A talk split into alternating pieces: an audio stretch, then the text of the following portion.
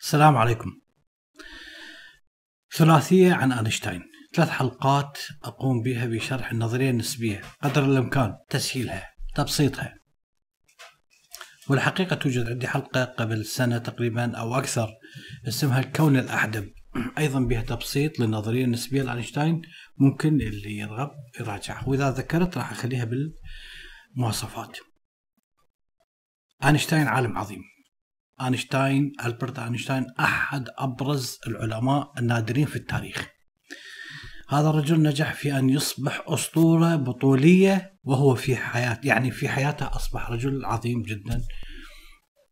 آراء صعبة جدا وغامضة جدا على الذين يريدون أن يفهموها من الطلاب ومن المحبين للعلم ومن عامة الشعب. زادت غرابتها وزاد غموضها وكأنه صعد فوق جبل أولمبي يتكلم عن بعد. حتى أن الفيلسوف الإنجليزي برتراند راسل يقول يعرف كل شخص أنه أينشتاين قد فعل شيئا عظيما مدهشا. بينما القليلون هم الذين يعرفون ذلك الذي فعله. والحقيقة يقال أنه صعب أن تجد عشرة أشخاص في العالم فاهمين النظرية النسبية أو نظريات أينشتاين بشكل عام يعني الفهم الدقيق. هاي النظريات التي تتحدى وتخدع الألوف إن لم تخدع الملايين الذين يحاولون فهم ما قاله آينشتاين ساحر الرياضيات العظيم.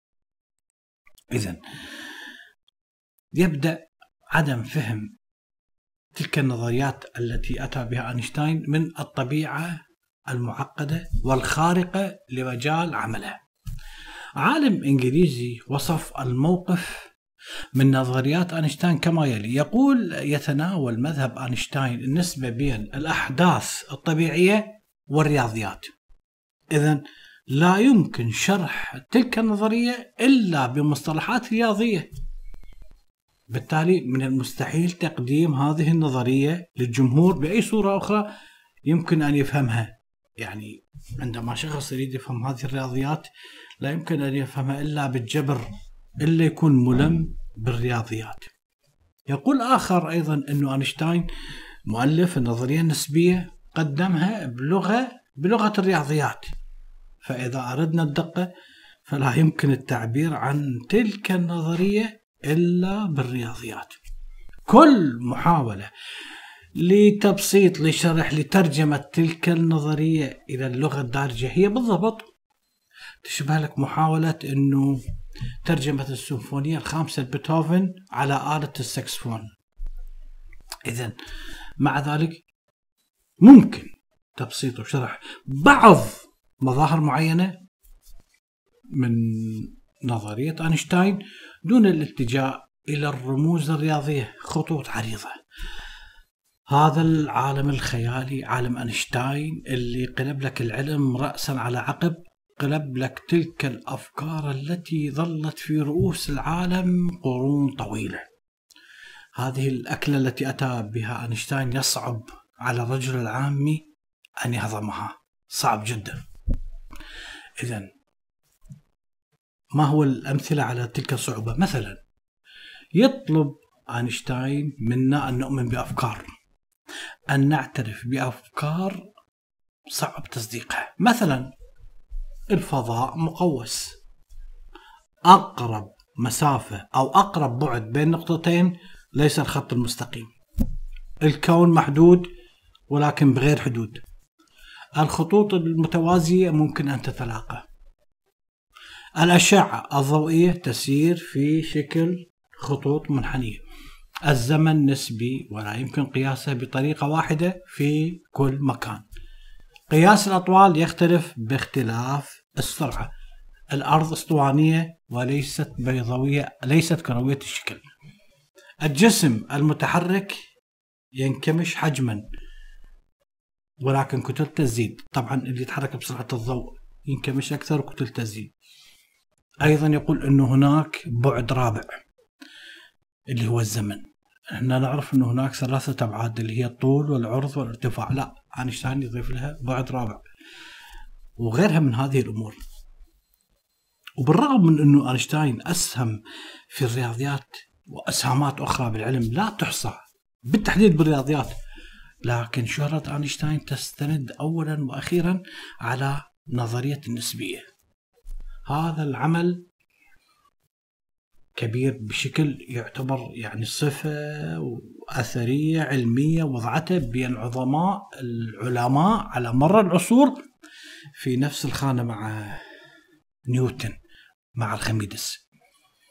هذه النظرية أطلقت بكل متناقضاتها المذهلة بذلك النجاح الباهر أطلقت تلك العلوم الفظيعة وبنفس الوقت أطلقت مخيلة الجماهير. بدأت ثورة أينشتاين العلمية سنة 1905 البداية ظهرت في صحيفة ألمانية عنوانها التقويم السنوي لعلم الطبيعة. هذه النظرية وضعها ب 30 صفحة. تحت عنوان هذا العنوان غير مثير عن الديناميكا الكهربائية للأجسام المتحركة. وقتها كان أينشتاين عمره 26 سنة. يعمل موظف بسيط في إدارة تسجيل المخترعات السويسرية. أينشتاين أصلا ولد في أسرة يهودية من الطبقة المتوسطة في ألمانيا بافاريا سنة 1879 وعندما كان تلميذ لم يكن يجيد من الدروس إلا الرياضيات. كان أينشتاين نابغة بالرياضيات. وبالفعل هذا المجال اللي أبدع فيه هذا دليل على نبوغه المبكر. تسوء حالته المادية لأسرته يضطر أن يعول نفسه بنفسه وهو في الخامسة عشر. يهاجر أينشتاين إلى سويسرا فاستطاع الاستمرار في دراسته العلمية بأكاديمية الفنون التكنولوجية في زيوريخ. يتزوج من زميلة له في نفس الأكاديمية ويصبح بالتالي مواطن سويسري. كان يتمنى أن يحصل على منصب الأستاذية لكنه لم يحصل على هذا. أستاذ جامعي لم يستطع أن يحصل فمن أجل أن يكسب قوت يومه من أجل أن يكسب عيشه استقر في عمل يقوم به بعمل التقارير الأولية وتسجيل طلبات المخترعين يعني اللي عندهم براءات اختراع يسجل اختراعاتهم. إذا كان يشتغل وقت فراغه أينشتاين بالقراءة. عندما يفرغ من العمل كان يدرس مؤلفات الفلاسفة أو العلماء علماء الفيزياء وعلماء الطبيعة. سرعان ما استعد لإخراج ذلك الطوفان العلمي من الأفكار العظيمة في الفيزياء وقدر له أن يلقى ردود فعل بعيدة المدى إلى حد اليوم. قدم أينشتاين في تلك الصحيفة سنة 1905 النظرية الخاصة النسبية. متحديا كل الأفكار العلمية السابقة عن الزمن عن الفضاء عن المادة عن الطاقة. أسس هذه النظرية وضعت في موضوعين أساسيين. الموضوع الأول هو نظرية النسبية التي تقول بأن جميع الحركات نسبية. هذا مثل مألوف هذه النظرية في القطار القطار المتحرك أو السيارة المتحركة. فعندما تكون أنت جالس في قطار وهذا القطار نفرض أنه الشبابيك كلها مسدودة ولا توجد أي ضوضاء. بالتالي لا تكون عندك أي فكرة عن سرعة هذا القطار ولا عن اتجاه سير هذا القطار. قد لا تشعر حتى أنك في قطار يتحرك.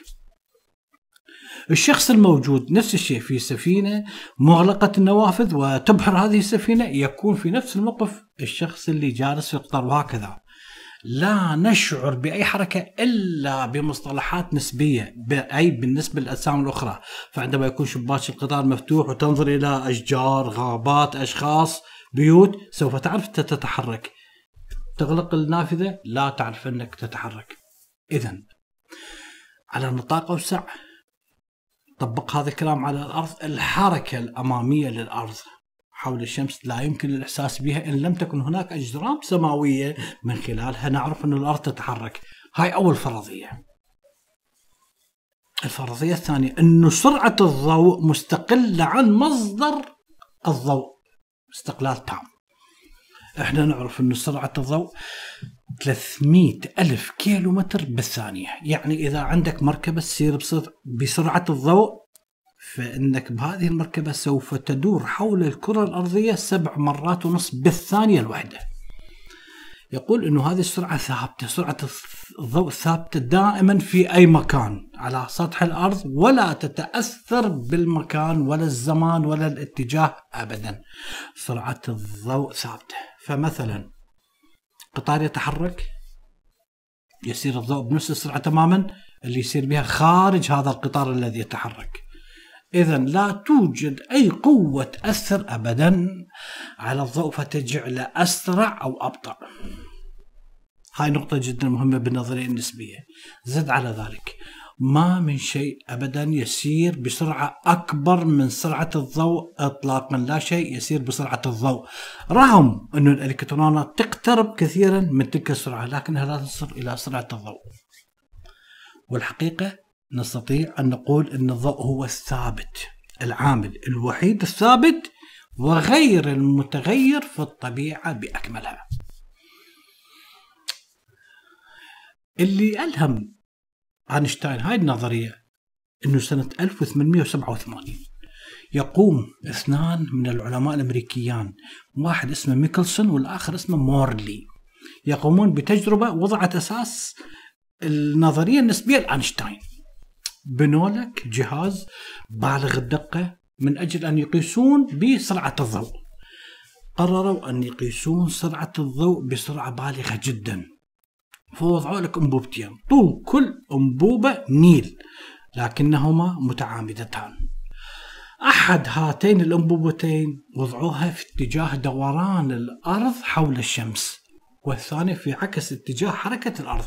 حتى يشوفون كم هي سرعة الضوء. طبعا وضعت هناك مرآة عند نهاية كل أنبوبة حتى الضوء يروح ويرجع. وهو راجع الضوء سوف يحسبون المسافة.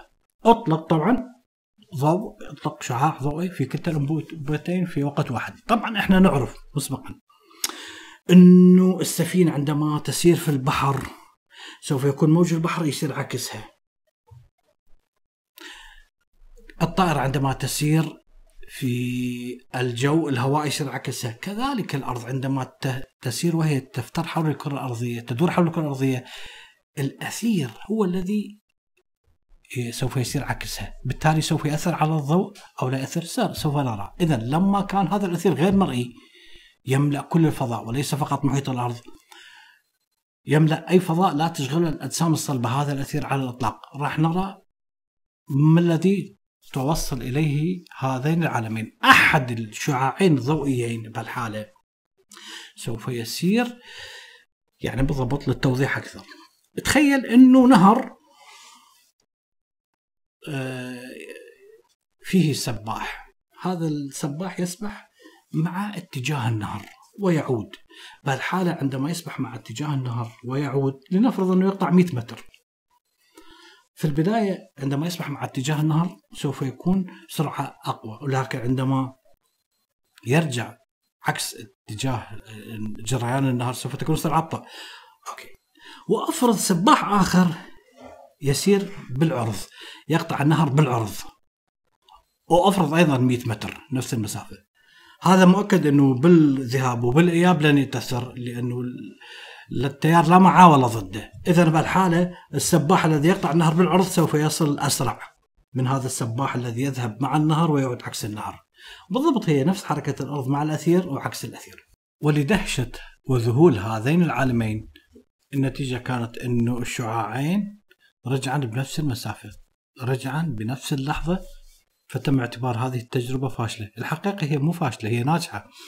الجواب عند أينشتاين. صحيفة أينشتاين اللي بسنة 1905 ذكر أنه جاوب على هذا السؤال اللي حير ميكلسون وكذلك زميله مورلي أنه طبعا جواب أينشتاين لم يحسب حساب للأثير ابدا، هذا الأثير اللي كان موجود من عهد نيوتن أو قبل نيوتن لغى وجود الأثير نهائيا.